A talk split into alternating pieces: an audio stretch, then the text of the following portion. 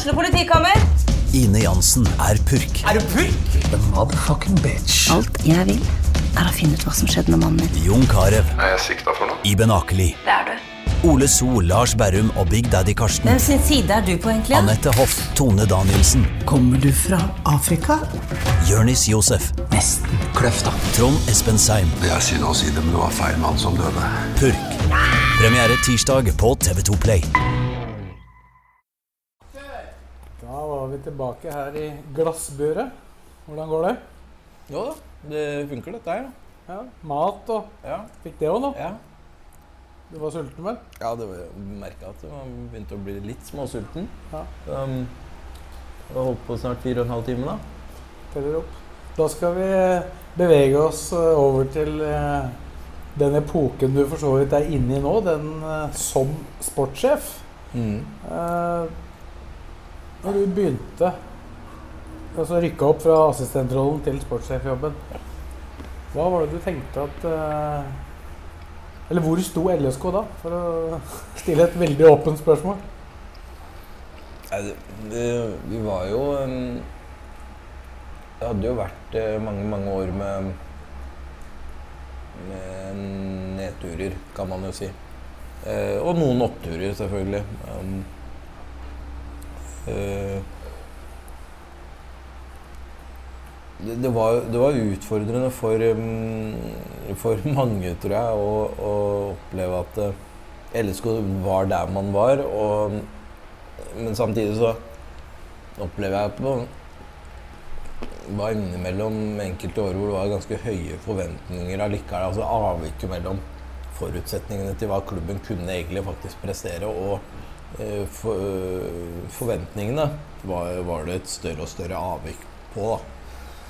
Um, for det er jo ingenting som kan gjøres med en quick fix. Og det, mm, gjør man noe, så, så kan det hende at det også sørger for at man, man um, Når man tenker langsiktig, ikke får den veldig god kortsiktige virkninga, som igjen kan medføre kortsiktig at f.eks. et nedrykk. da.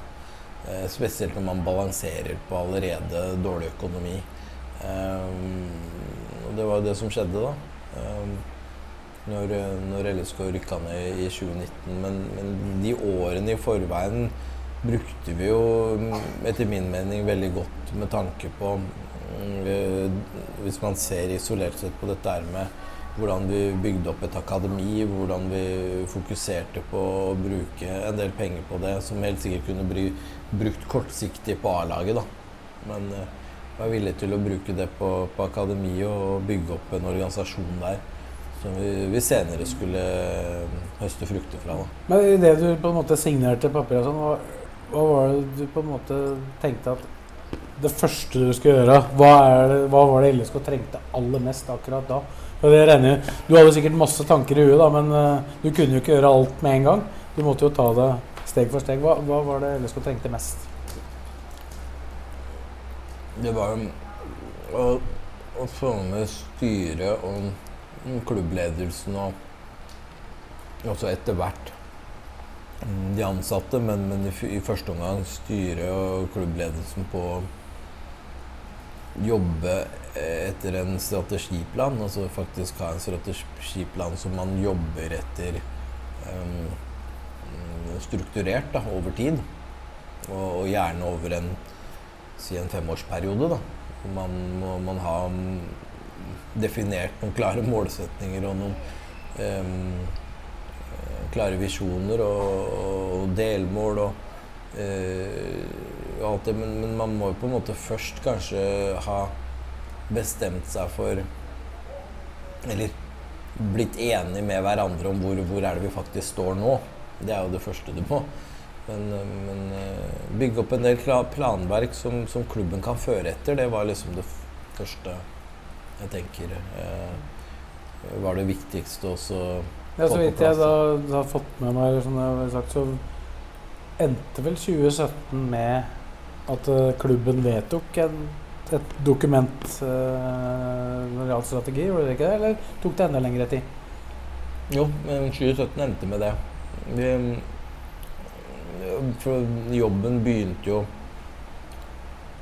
begynte jo litt tidligere med å liksom Man, man var klar over f.eks. at uh, akademiklassifiseringen skulle innføres, og den klassifiseringen ville man jo få stryk på, uh, med tanke på at uh, Ja, det er vurdering av hvor godt et eh, akademi, en klubb, er.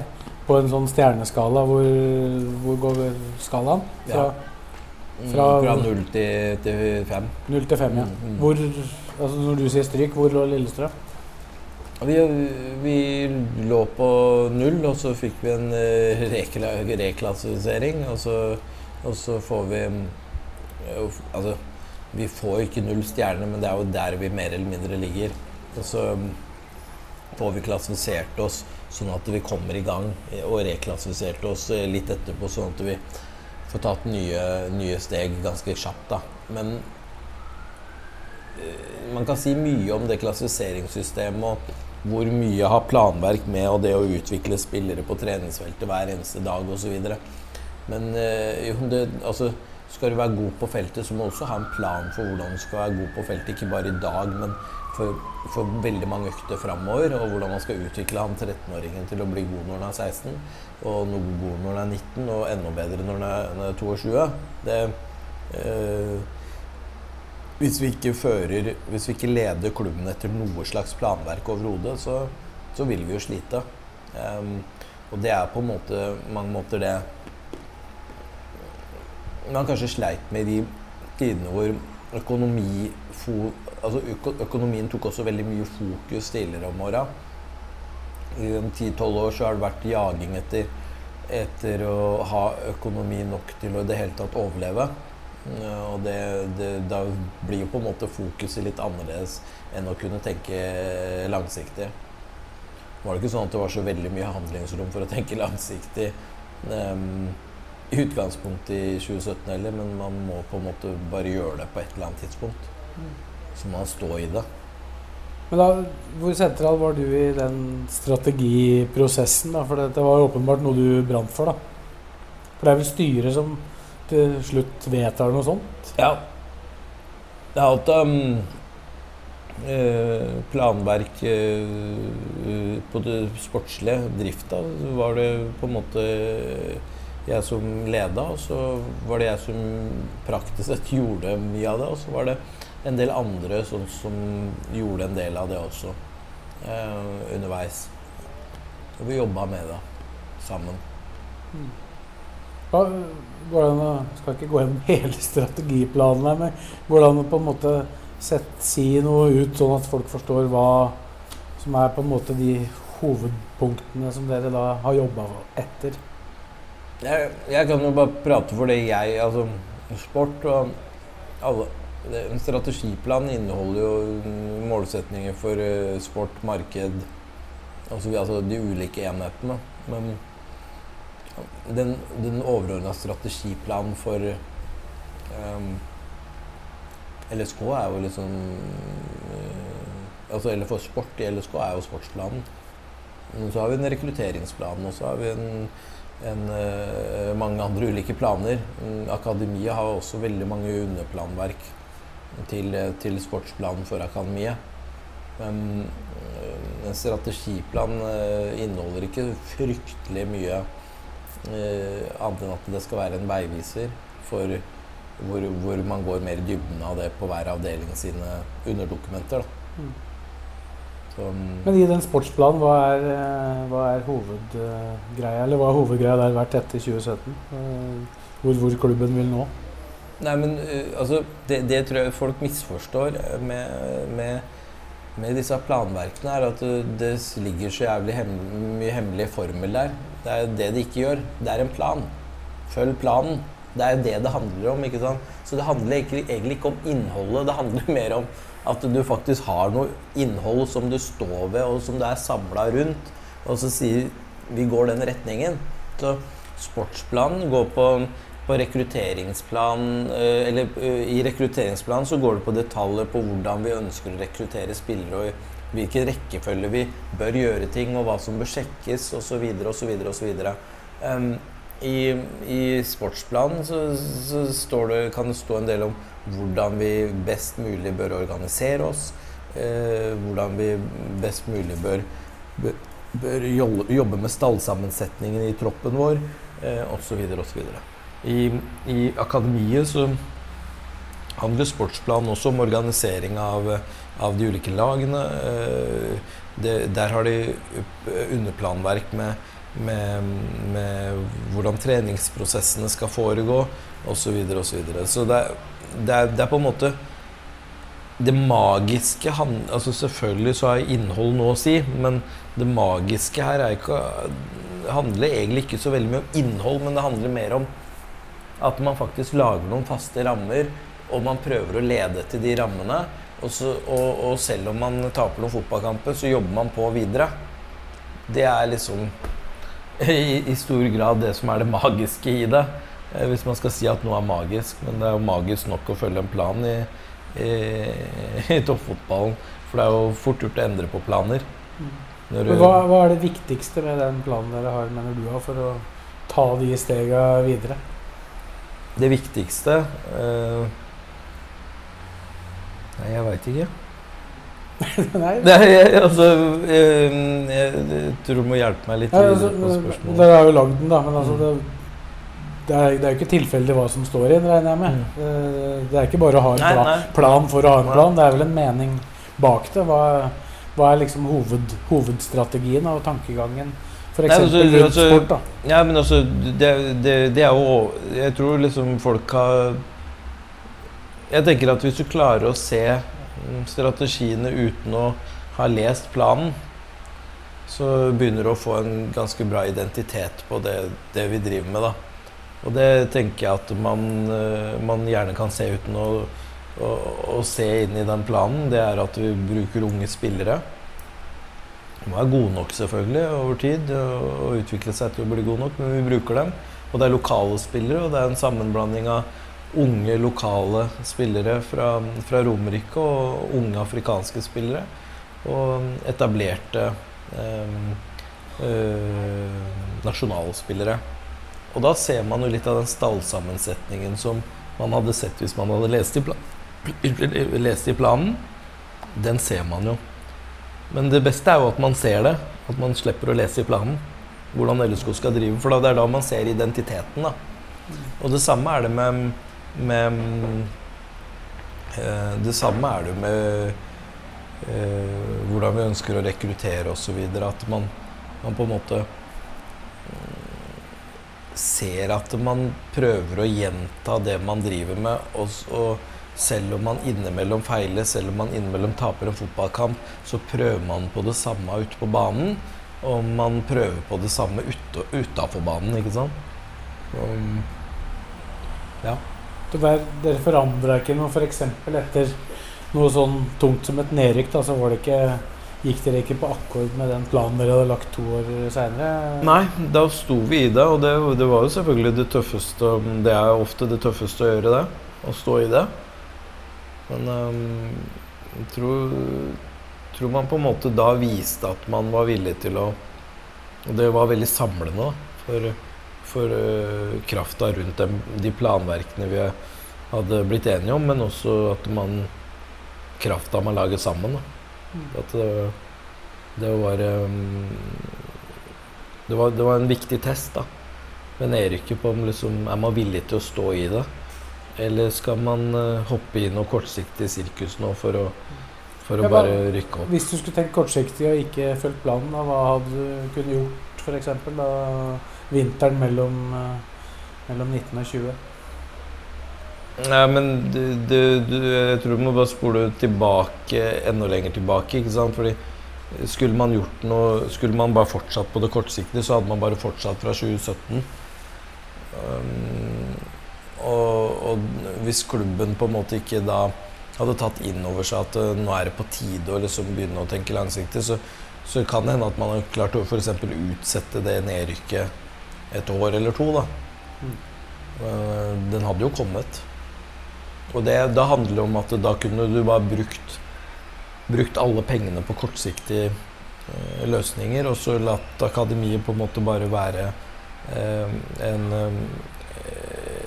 en utviklingsavdeling som på, man på en måte ikke har så veldig mange ansatte, heltidsansettelser rundt f.eks. Og, og sånne ting. Så det hadde jo Altså, man klarte jo å utvikle spillere da òg, men uh, man klarte jo ikke å utvikle spillere gode nok for at de skulle begynne å spille A-lagsfotball. Nei.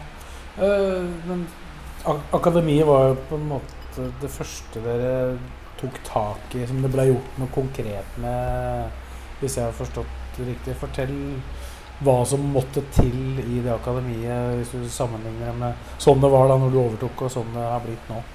Hva er, hva er det dere har gjort? Uh, hva er hovedforskjellen på akademiet?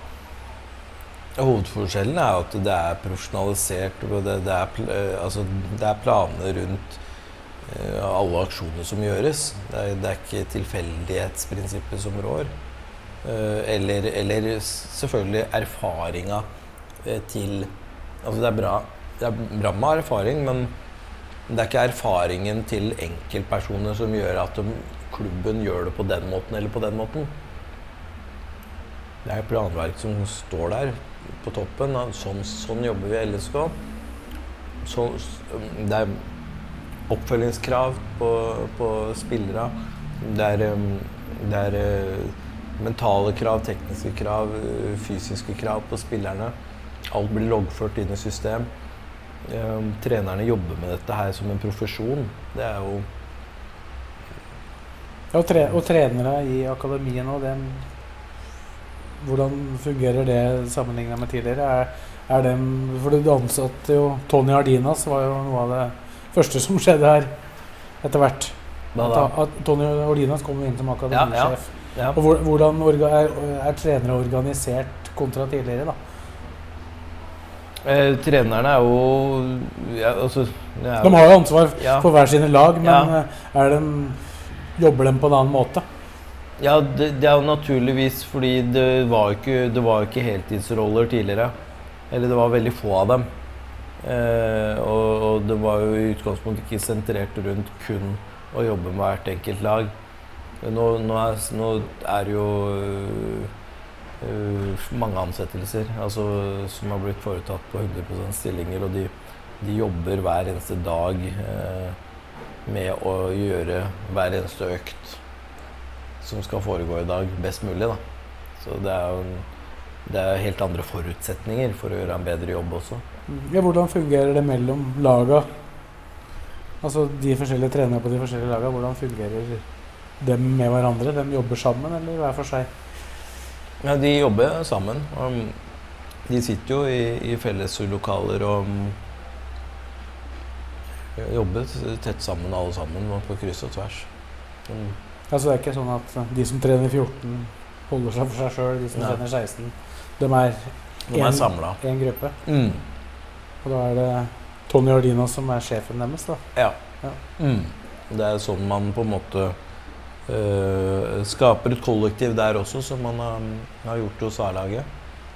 Med at man jobber eh, team, teambasert. Mm.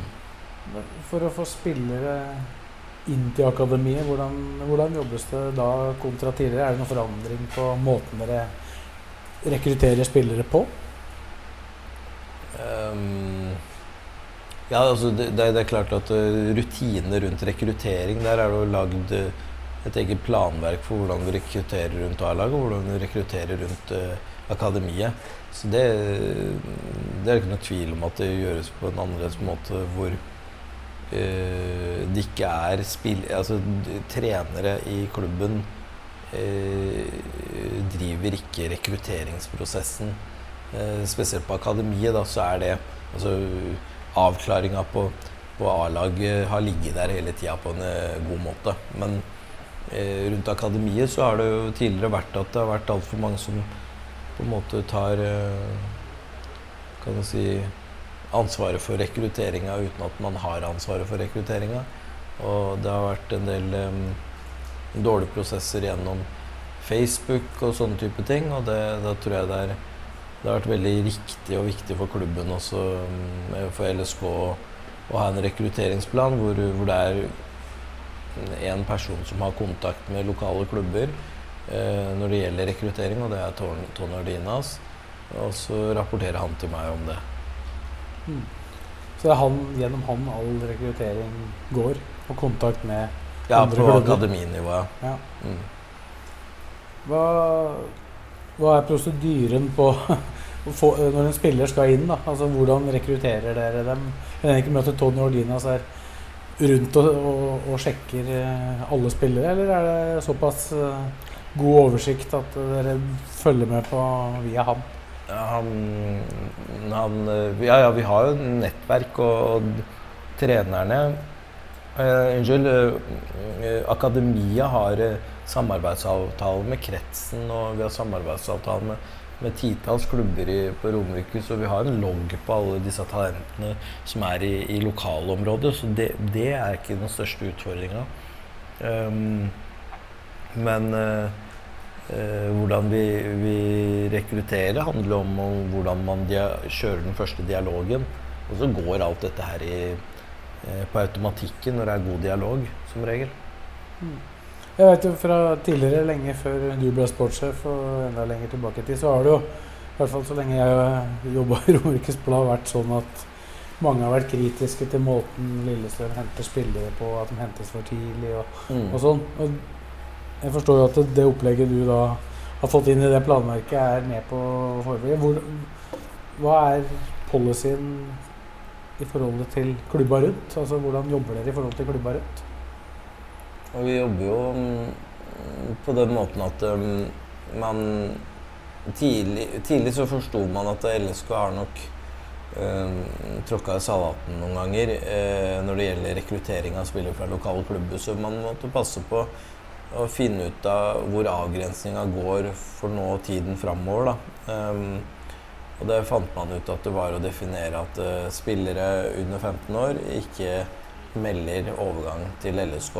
Um, man samarbeider heller med de lokale klubbene, og, og så tenker man at uh, ting vil modnes over tid, da.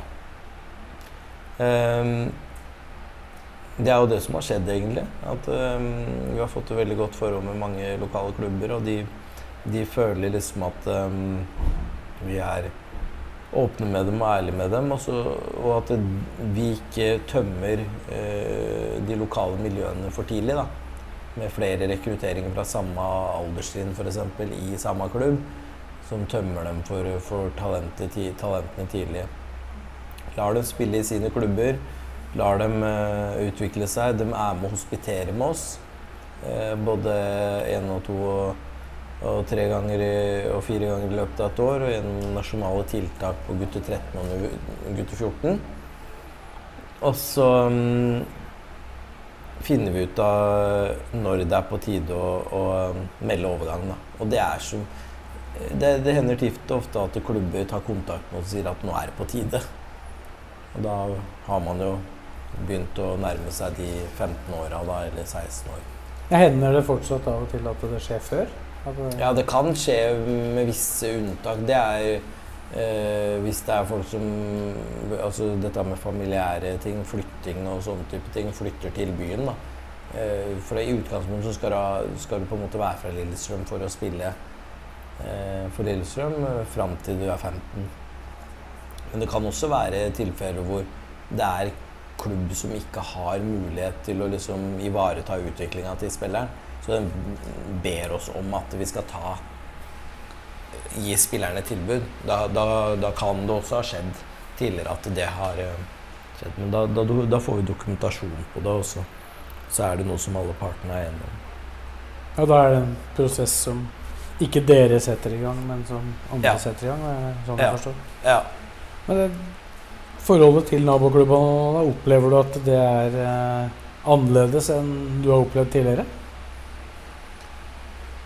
Uh, ja, jeg, jeg, det, jeg opplever jo det at de Det er alltid noe å ta tak i, på en måte, men jeg opplever at det er en positivitet uh, fra de, de lokale klubbene. Og at de, de opplever på en måte LSK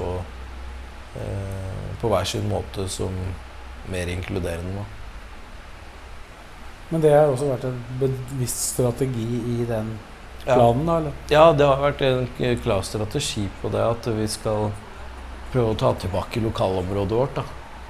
Fordi vi, vi er en klubb også som eh, merker det i um, I um, Hva kan du si I tilskuerantallet, da. Det er ikke alle klubber som merker det tilskuerantallet om eh, om du røver noen talenter fra noen lokale klubber og sånn over tid. Men eh, i Lillestrøm og på Romerike så tror jeg man, man kan merke det på tilskuertallene, interesse og positiviteten til klubben.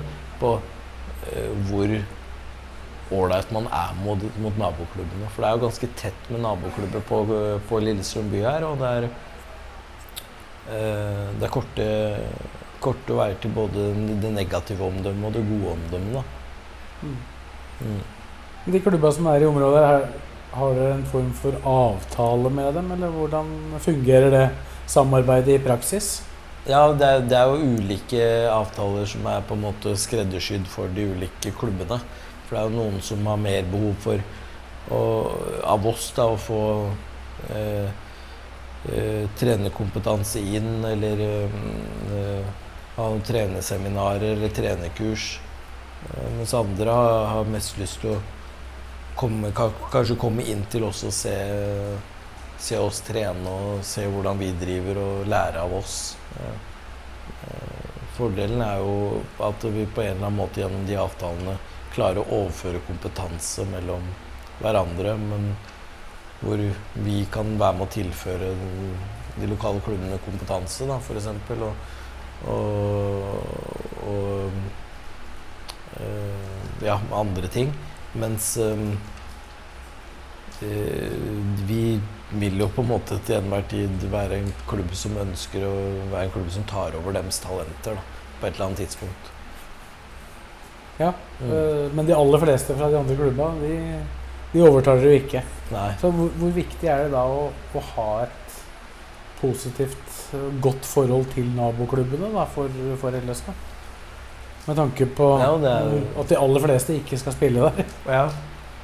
Men det er jo, det er jo veldig viktig å Det er veldig viktig, det. Hvordan var dette på Skjetten f.eks. når du vokste opp? øh, Hvordan opplevde du forholdet mellom, mellom Skjetten og LSK? Da, da satt du jo på andre sida. Ja. Jeg, jeg var jo spiller da, men jeg merker jo at det øh, Det var ikke sånn Det var sånn som jeg følte var når jeg var på LSK-sida i starten, at det var mange som var ute etter LSK. Mange som syntes at LSK ikke var noe spesielt ålreit klubb. Det, det må man jo ta inn over seg, og det gjorde vi jo også. Er- føler du at den endringen dere gjorde i 2017, at den har virka, da, for å bruke det uttrykket? Ja, uten tvil. Uten tvil. Det Jeg syns jo. At man merker forskjellen. Så er det alltid noen episoder også, men det er ikke de Det er ikke, det er, det er ikke nærheten av det samme, da. Nå Nå er det Nå er det god dialog med, med veldig mange. Ja, det, hva, bet- men hva, hva gir det klubben av annen støtte, da? Altså, Det kan være alt fra mm, at det gir oss eh, flere sponsoravtaler, til at det gir oss flere publikummere eh, på kampene, til at det, det gir noen synergier som ikke direkte gir en gevinst der og da, men i framtiden kan gi en gevinst. da. Eh, For i, i alle lokale klubber så er det alltid en potensiell sponsor. Det er en mor eller far.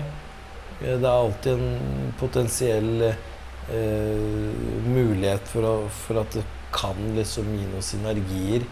Eh, og det er ikke noe tvil om at det er eh, de samme menneskene som er publikum på Åråsen, eh, er medlemmer også ofte i andre klubber, da. På en eller annen måte. så en positiv prat om LSK er det du har, eh, det Ja. dere har jobba for, da. Ja, det er det. Så du er jo da fra, fra Skjetten og har jo merka det derfra og kommet over hit. Hvordan er, hvordan er det å være på, på andre sida? Altså i på LSK-sida? Altså, det har, har du kjent igjen mye av det samme? På eh, På hvordan folk, hvordan folk eh, oppfatter LSK? Altså, merker du det på en annen måte når du er inne, når du er i LSK, enn du gjorde på utsida? Ja Ja, det er klart at Og det, så det tror jeg er en sånn samfunnsutfordring òg. At uh, veldig mange som står på utsida, av veldig mye, har veldig mye meninger. Og så tror jeg man skal liksom ta det som en sånn uh, At man, man skal tenke på det når man mener noe om Ofte om det som står i media, da, om det er, øh, om det er organisasjoner, eh, statlige organisasjoner og private organisasjoner, eller, eller hva det nå er. Så liksom det er veldig vanskelig å vite alt når man ikke er på innsiden. Og på ledernivå på innsiden. Så eh, det å liksom være veldig bastant på å mene at uh, den burde gjort sånn og den burde gjort sånn, det er, det er ganske Det er en farlig øvelse, da. Men det skjer ofte. Og sånn er det med LSK, at jeg tror at veldig mange har veldig mye meninger om LSK sett utenifra, men det øh, og, og, meninger er jo ikke så farlig, men når det blir sterke meninger, det er jo da jeg mener at det blir gærent. da. Og så er det dette med akademiet. Det er, målet er jo, som du sa, det er jo å utvikle spillere til å spille for LSK. Men det er jo mange spillere på Romerike som, uh, som har den drømmen. Noen velger å dra andre steder. Er det, er det noen spillere dere har på en måte ønska å få hit, som har glippet for dere, som har gått til andre klubber de, etter, at dere, etter, at dere, begynte med akademiet? Akademispillere? Ja. ja. Det var jo kanskje Brage Skaret, men jeg husker ikke om det var før eller etter. Ja, ja Som har gått til Vålerenga, ja. ja. ja. Jeg husker ikke hvilket år han var før 2017, men han gikk jo ja, det, det var en sånn case hvor han da hadde to alternativer og valgte det ene? Ja, han hadde hospitert med oss i, i hvert fall én sesong. Han vant å gå til Vålerenga, f.eks. Mm. Og før ville jo det vært krise, men det er jo liksom vi snakker om nå, at det, kri, krise er jo Altså det er mye annet som er krise enn at en spiller går til Vålerenga, på en måte. Fordi hvis, hvis en velger å gå til Vålerenga når en er 15 år, så er det jo veldig fint at han har bestemt seg for det når han er 15 år, da, istedenfor at han spiller for LSK fram til han er 20. Og så blir han ordentlig god, og så vil han gå til Vålerenga. Så det er, det er, litt det med at eh, det er greit at du, eh, Man må ikke ta så på avveie, da.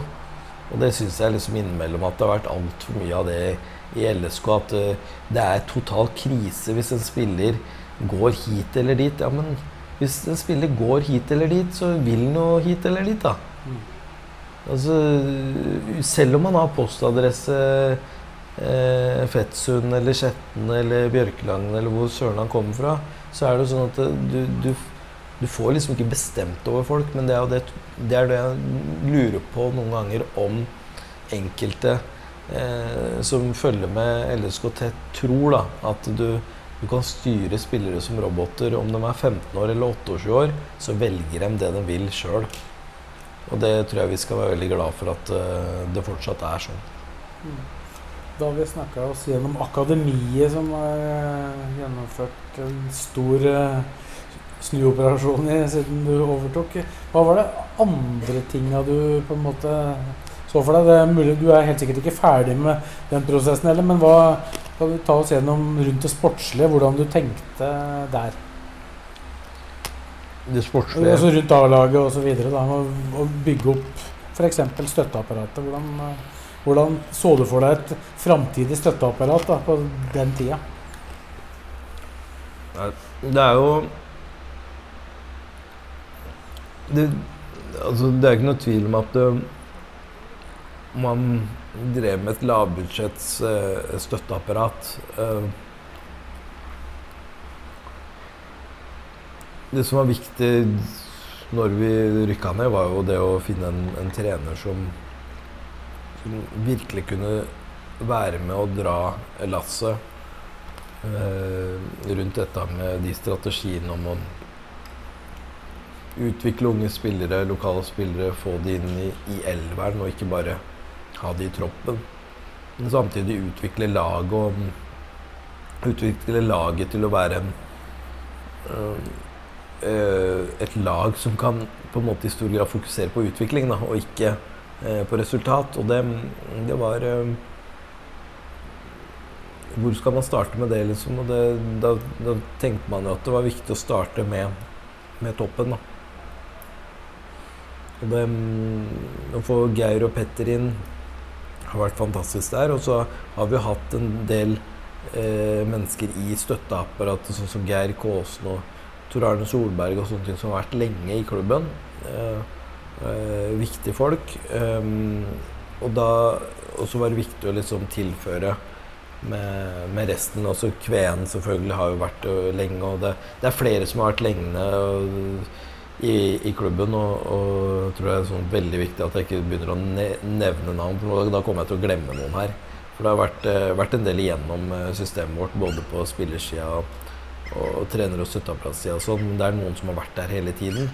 Um, så en god balanse nå mellom de som har vært der hele tiden, og nye som har kommet til utvidelse på, på analyserolle, på, på, utvidelse av medisinsk apparat, uh, fysioterapeut osv. Uh, som, som Men den analysebiten, den fikk dere først på plass i 2021 sånn med ja. en dedikert person til det? For dere brukte ble ikke Arild Sundgodt brukt der? Uh, det siste kontraktsåret han var der, så var han mye inne på analyse.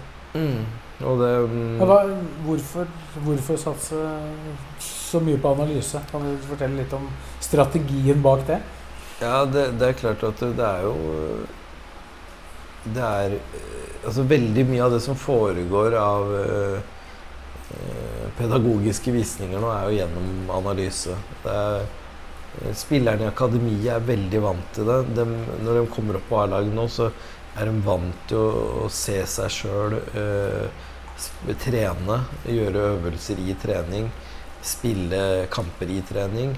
Uh, og, og kampene i seg selv, seriekamper osv. Vi har et, uh, et analysesystem som kalles Huddle, hvor du får bildene rett på telefonen og kan se bilder fra panoramakamera på Åråsen. Eller det vi filmer med, med vanlig kamera håndholdt kamera på, um, på stadion. Uh, gjerne også gjennom Eller Vigernes gjerne gjennom drone også.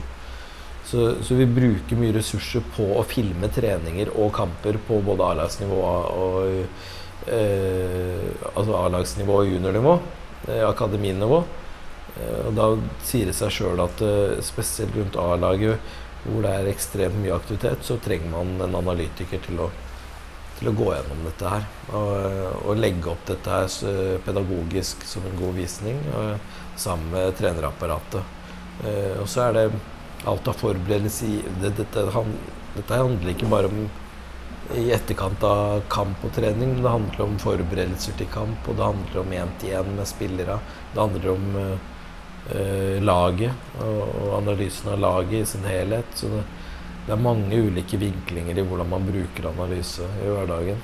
Det, ja, du kan fortelle litt om hvordan dere bruker det i kamp? da? Altså, André Sjelander er jo han som er eh, analyseansvarlig. Han, han, sitter jo, For de som ser kamper, så sitter jo han på benken. Hva, hva er det han gjør på benken under kamper? Ja, Det må jo nesten han prate om. Jeg aner ikke alt han gjør altså, på, på, benken, men, men han um, Han trykker i hvert fall? Ja, men uh, han er tilgjengelig for, for støtteapparatet med tanke på å få vist bilder kjapt på, på hva som skjer i, i kampøyemed. Og så er det det å forberede seg også til, til pausen og kunne vise noe, noe, noe klipp der også, som kan hjelpe til for å sørge for å vinne den fotballkampen. Det er, det er jo det det handler om å, gjennom å på en måte Det kan være spillestilskorrigeringer, eller det kan være eh, korrigeringer på enkeltspillere eh, i, i spillestilen.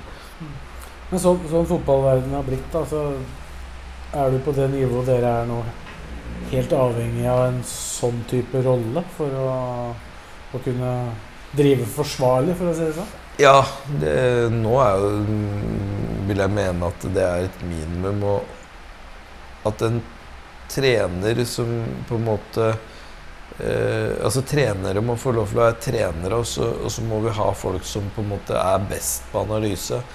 Og kan bli best på analyse, til å drive med analyse. På lik linje som eh, vi skal ha de beste fysioterapeutene eh, som ikke trenger å være de beste trenerne, men de skal være de beste fysioterapeutene. Det, På hvilken, måte kan du bruke Kjellander som driver med analyse? Da? Er det noe i din, din funksjon du også kan bruke han til? Ja, i utgangspunktet, men det er ikke så mye rom for det nå, all den tid han har veldig mye eh, eh, Bruker veldig mye tid på lag og enkeltspillere. Så, men eh, vi, vi, vi, skal nok begynne å innføre enda mer analyse i, um, i rekrutteringsøyemed. Selv om vi, vi bruker, bruker, bra med analysetid på det nå, sjøl jeg og, og, enkelte andre.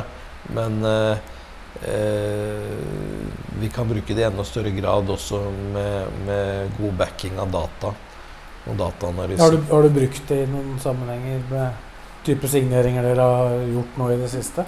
Ja, du, har jo brukt, du bruker jo dataanalyse på det meste. Altså, ja, Men at du har brukt André Sjelander liksom, til ja, ja, det har vi. Men det har ikke det, Man må bruke det hyppigere enn det man gjør nå. Men det, det har ikke han, Altså, vi kan ikke lesse på eh, André enda mer. Altså, da må vi ansette flere. For det handler om også å bruke det handler om at André ikke kan Han har ikke nok timer i døgnet til å gjøre alt hvis jeg skulle lesse over alle de spilleranalysene som jeg trenger å få gjennomført også. Ja. Og så er det jo det, si, det fysiske området da, med fysioterapeut. og Den hovedansvarlige der har jo vært Geir Kåsen, som du sa, i, i, ganske mange år. Bare med et lite avbrekk i, i Polen der for hans del. Men uh, der har dere også styrka apparatet litt nå gradvis. Med å, I år bl.a. har fått inn en uh, heltidsansatt uh, fysioterapeut til. Hva, hva, er tanken bak det? Bortsett fra at uh, han sikkert skal jobbe med ja. det som er yrket hans. Ja. Nei, det, det, er ikke noe Det er ikke noe annen plan enn at vi Ja, som sagt, vi, vi ønska å få flere hender og flere hoder inn eh, til å jobbe på det medisinske. Det har vært eh, Eh, det er ingenting vi gjør som er tilfeldig nå. Vi, vi, vi, har noen planer, men vi får ikke på en måte gjennomført alle planene hele tiden. For det handler om kostnader og hvor mye kostnader man kan ta på et år osv. Så, videre. så vi må porsjonere ut og, og, og gjøre det stegvis. Da. Og det, det, er jo det som har skjedd med at uh, først var det analytikerrollen inn, og så er det utvidelse på støtteapparatet. Uh, og så er det flere andre ting vi tenker at vi skal gjennomføre. sånn trinnvis. da. Men uh, alt er for å på en måte øke kapasiteten rundt det der å, å uh, spille uh, spille spillerne våre best mulig da, inn mot trening og kamp. Ja, for et støtteapparat med fysioterapeuter, da, det er, der har dere egentlig vært short, er det sånn jeg forstår det? I og med at dere har utvida en hel stilling? Ja, man har jo følt at man har vært på, på sparebluss på mange roller rundt, rundt støtteapparatet. Og nå er, er det to og en halv stilling dere har der nå? Uh, to og en halv, ja. ja. Er, det, er, det, er, du da på det du minste du må ha, eller er det må dere ha jeg, jeg, mener jo at det er, det er minimum av det man bør ha. Hvis man skal ha en mening med, med det man driver med. Hvordan er dette sammenligna med andre klubber i Norge, f.eks.? Du, du har sett litt i dem òg, når du har ja, ja. bygd støtteapparat? Det er flere som har flere enn oss, og så er det flere som Eller så er det noen som har mindre færre årsverk enn oss. Men, men, der vi lå, så lå vi helt klart i nederste sjiktet av Eliteserien. Ja, før dere før fikk den siste? Operadere, ja. Og så innimellom her så har dere jo også da ansatt en person med Dere kaller det vel ikke mental trening, men det er vel det folk eh, lettest forstår. Dere kaller Mette Rosseland for personlig, personlig utvikler. Ja. Det, det, kom vel, så vidt jeg husker, da i det året 2020, i løpet av det året. Det mm. året dere var nede i Obos. Mm. Hva, tidligere har det jo vært henta inn eh, noen eh, sånne type personer i, i, kortere perioder. Nå har dere ansatt en person i en prosentstilling. Hvorfor det? Jo, det er jo fordi vi Det også var jo en del av noe man prata om helt siden 2017. Eh, Det er viktig å få inn noen som kan jobbe med det mentale hos spillerne.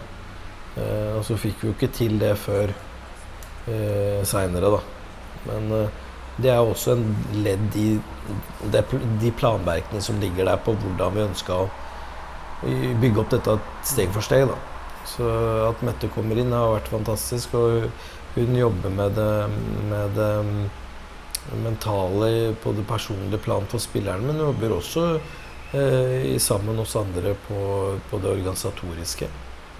Eh, det handler om å også jobbe med hvordan spillere skal skape det samholdet som man har skapt. Og det, det er ikke noe som bare skjer av seg sjøl. Så det, det er flere bidragsytere til det samholdet her, og Mette er en av dem.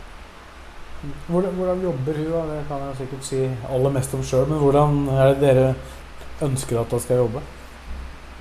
Eh, nei, det er jo sånn hun jobber. At hun jobber med, med individene eh, hver for seg etter deres behov.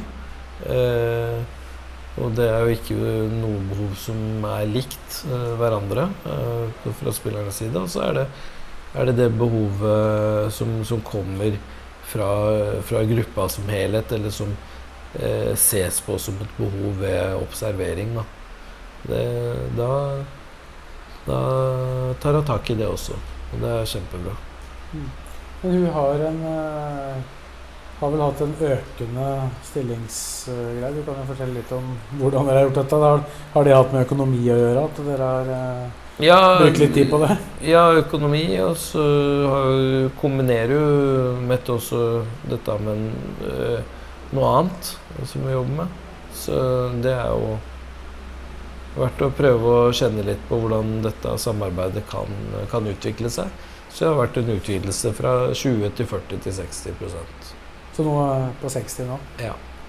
Det vil si at det er ganske mye til stede. Det kan jo vi som er der imellom se at Ja. du er ofte, ofte til stede. ja. Men det har, vært, det har vært litt diskusjon rundt hun da med tanke på den, det fagfeltet som hun egentlig eh, representerer, tankefeltterapi og sånn. Hva tenkte dere rundt det når hun ble ansatt?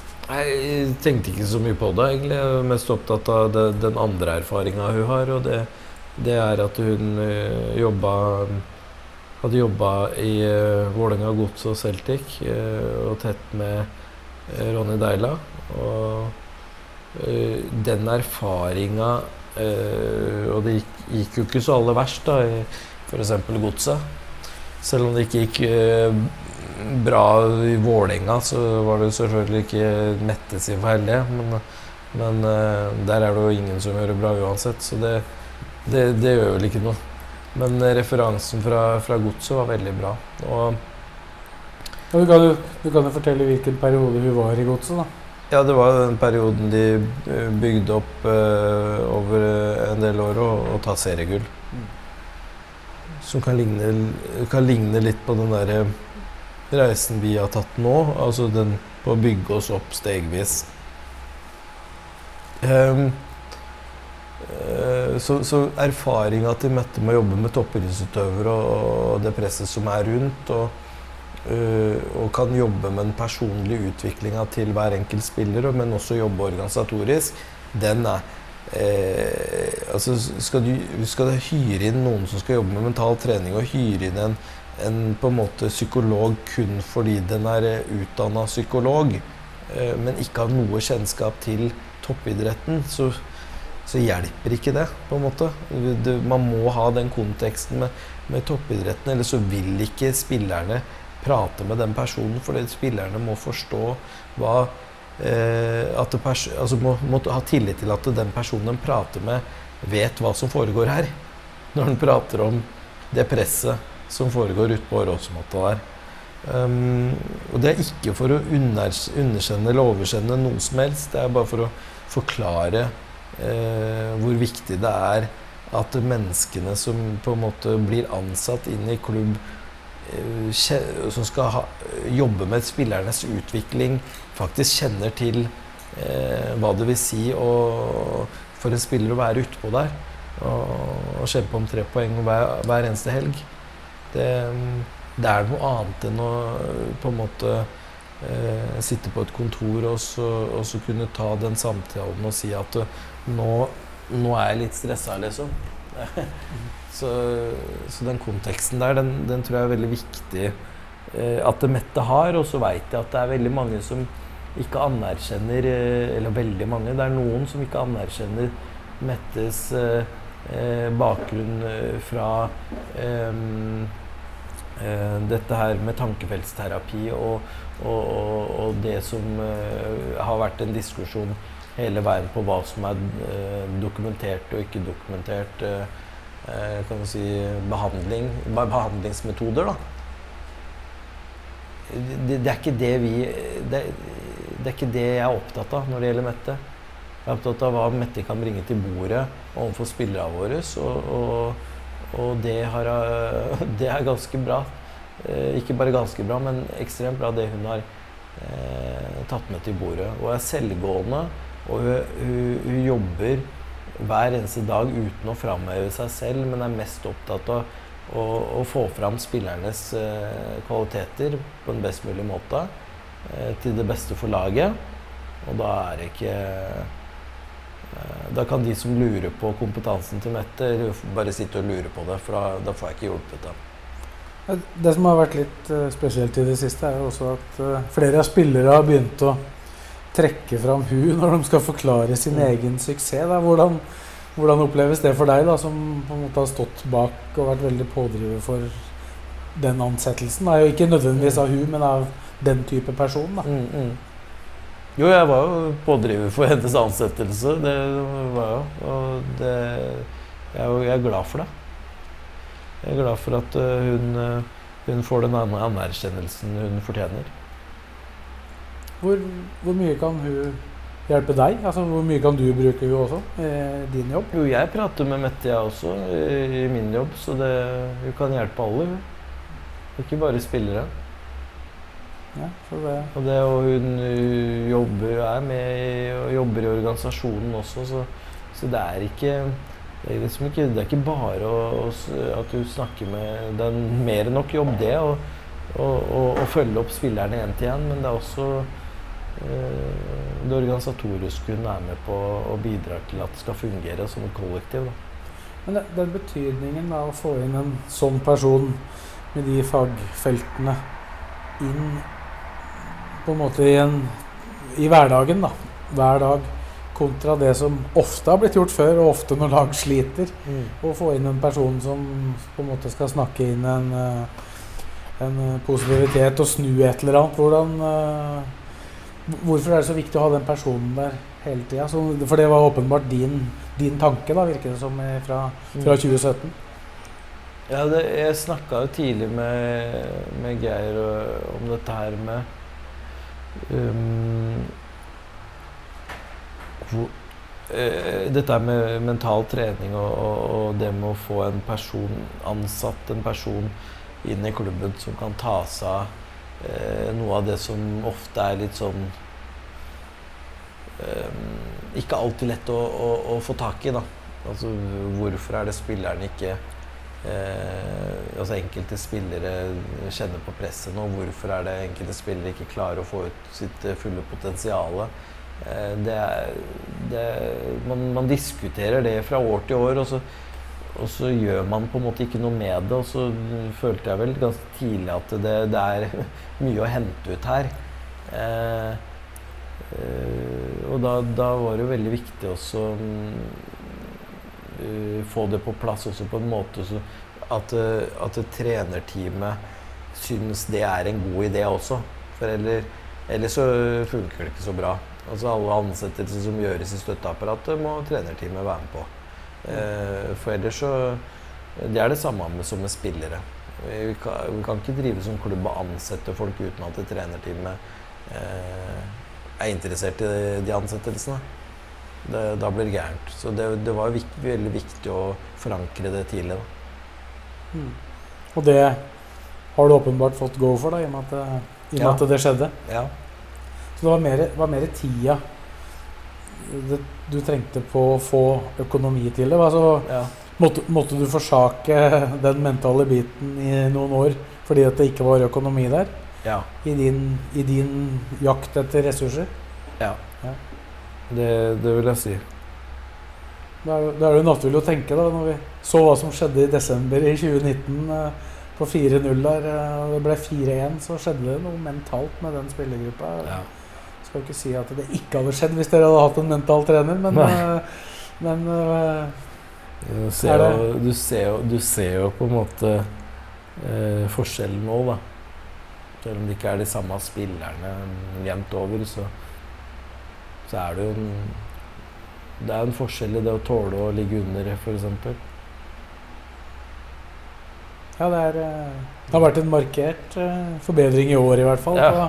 Det virker jo ikke som det betyr noe, så det kan jo, det kan jo virke som at, eh, at den mentale biten er på plass. Men samtidig en veldig annerledes spillergruppe, som du, som du sier. da. Mm. Men, eh, men dette sto ganske høyt på, på lista di over ting du, du ville få til ganske kjapt.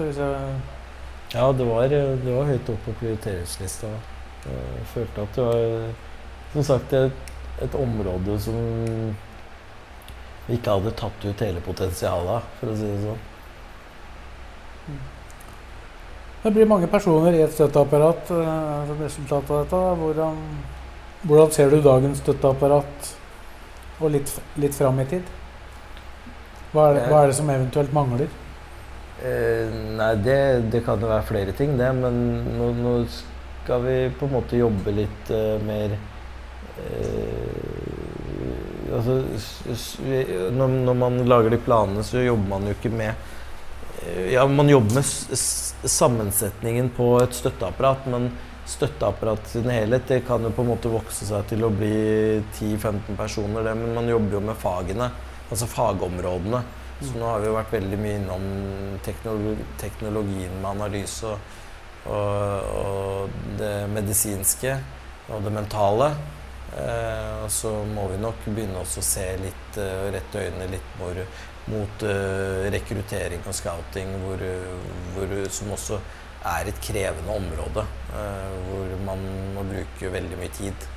Eh, og mm, den tida merker jeg at spiser meg veldig mye opp, og vi må, vi må eh, bli enda råere til å bruke eh, teknologien som er der, som ligger der klart til å brukes, både på dataanalyse og videoanalyse, for å få eh, ja, eh, større dekning på, på hva vi driver med. Da.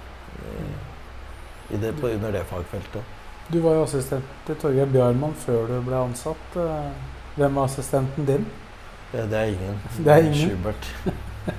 Hva, det er kanskje naturlig å tenke at, eh, at det er noe som tenkes på, eller hva, hvordan føler du at du klarer å løse hele den jobben? Det går jo, det går jo, men poenget er at øh, hvis man skal gjøre det over tid, så, så vil man jo slite seg sjøl ut. Så det, det er jo Det er vel meninga at øh, man må, må gjøre noen løsninger på det etter hvert. Er, men det er, det, er det, du har, eh, det er det du har satt bakerst i, bakerst i prioriteringskøen? Da. Ja, det har jo på en måte blitt det. eh, Men, eh, det, det får gå. og Det, jeg tror vi skal på en måte løse det eh, litt senere, uansett. Når du prater om den rekrutterings- og scouting-biten, hva, hva er det du ser for deg der? For dere har, har dere per i dag noen som scouter for dere fast? Nei, vi bruker våre egne folk. Men vi, vi skal bruke våre egne folk. Men nå, nå snakker jeg mer om eh, å gjøre prosess på alle, all den eh, dataen som ligger der. Eh, som er tilgjengelig. Både videoanalyse og dataanalyse vil kunne gi oss veldig mye kan si, signaler og riktige signaler på hvor vi skal lete hen. Og det, det er litt sånn å, drive og ansette scouter uten at du veit hvor du skal leite. Det, du, du kan gjerne sende altså Én scout kan bare være på ett sted samtidig og se én kamp. Mens eh, du, altså sitter du og ser på data, og bruker du dataanalyse og video, så kan du eh, få informasjon om fryktelig mye fotballkamper i løpet av en arbeidsdag. Da. Mm. Hvor du kanskje kan bare se én eller to kamper i løpet av en arbeidsdag hvis du er ute og ser. Så det er litt med det der at Men det er viktig å kombinere det.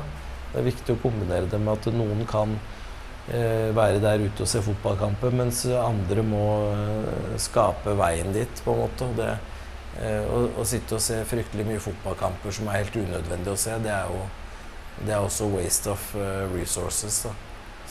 Hvordan, hvordan bestemmer du det, da? Ja, ja, det er nettopp det, men det er, det er da man må på en måte bruke dataanalysen til å, til å finne ut av hvor man skal se først. Og, og finne en pool med spillere på hva man skal se etter, istedenfor at man eh, flykter fra det ene til det andre og, driver og ser på eh, For det, det er ikke sånn at alle spillere er like interessante.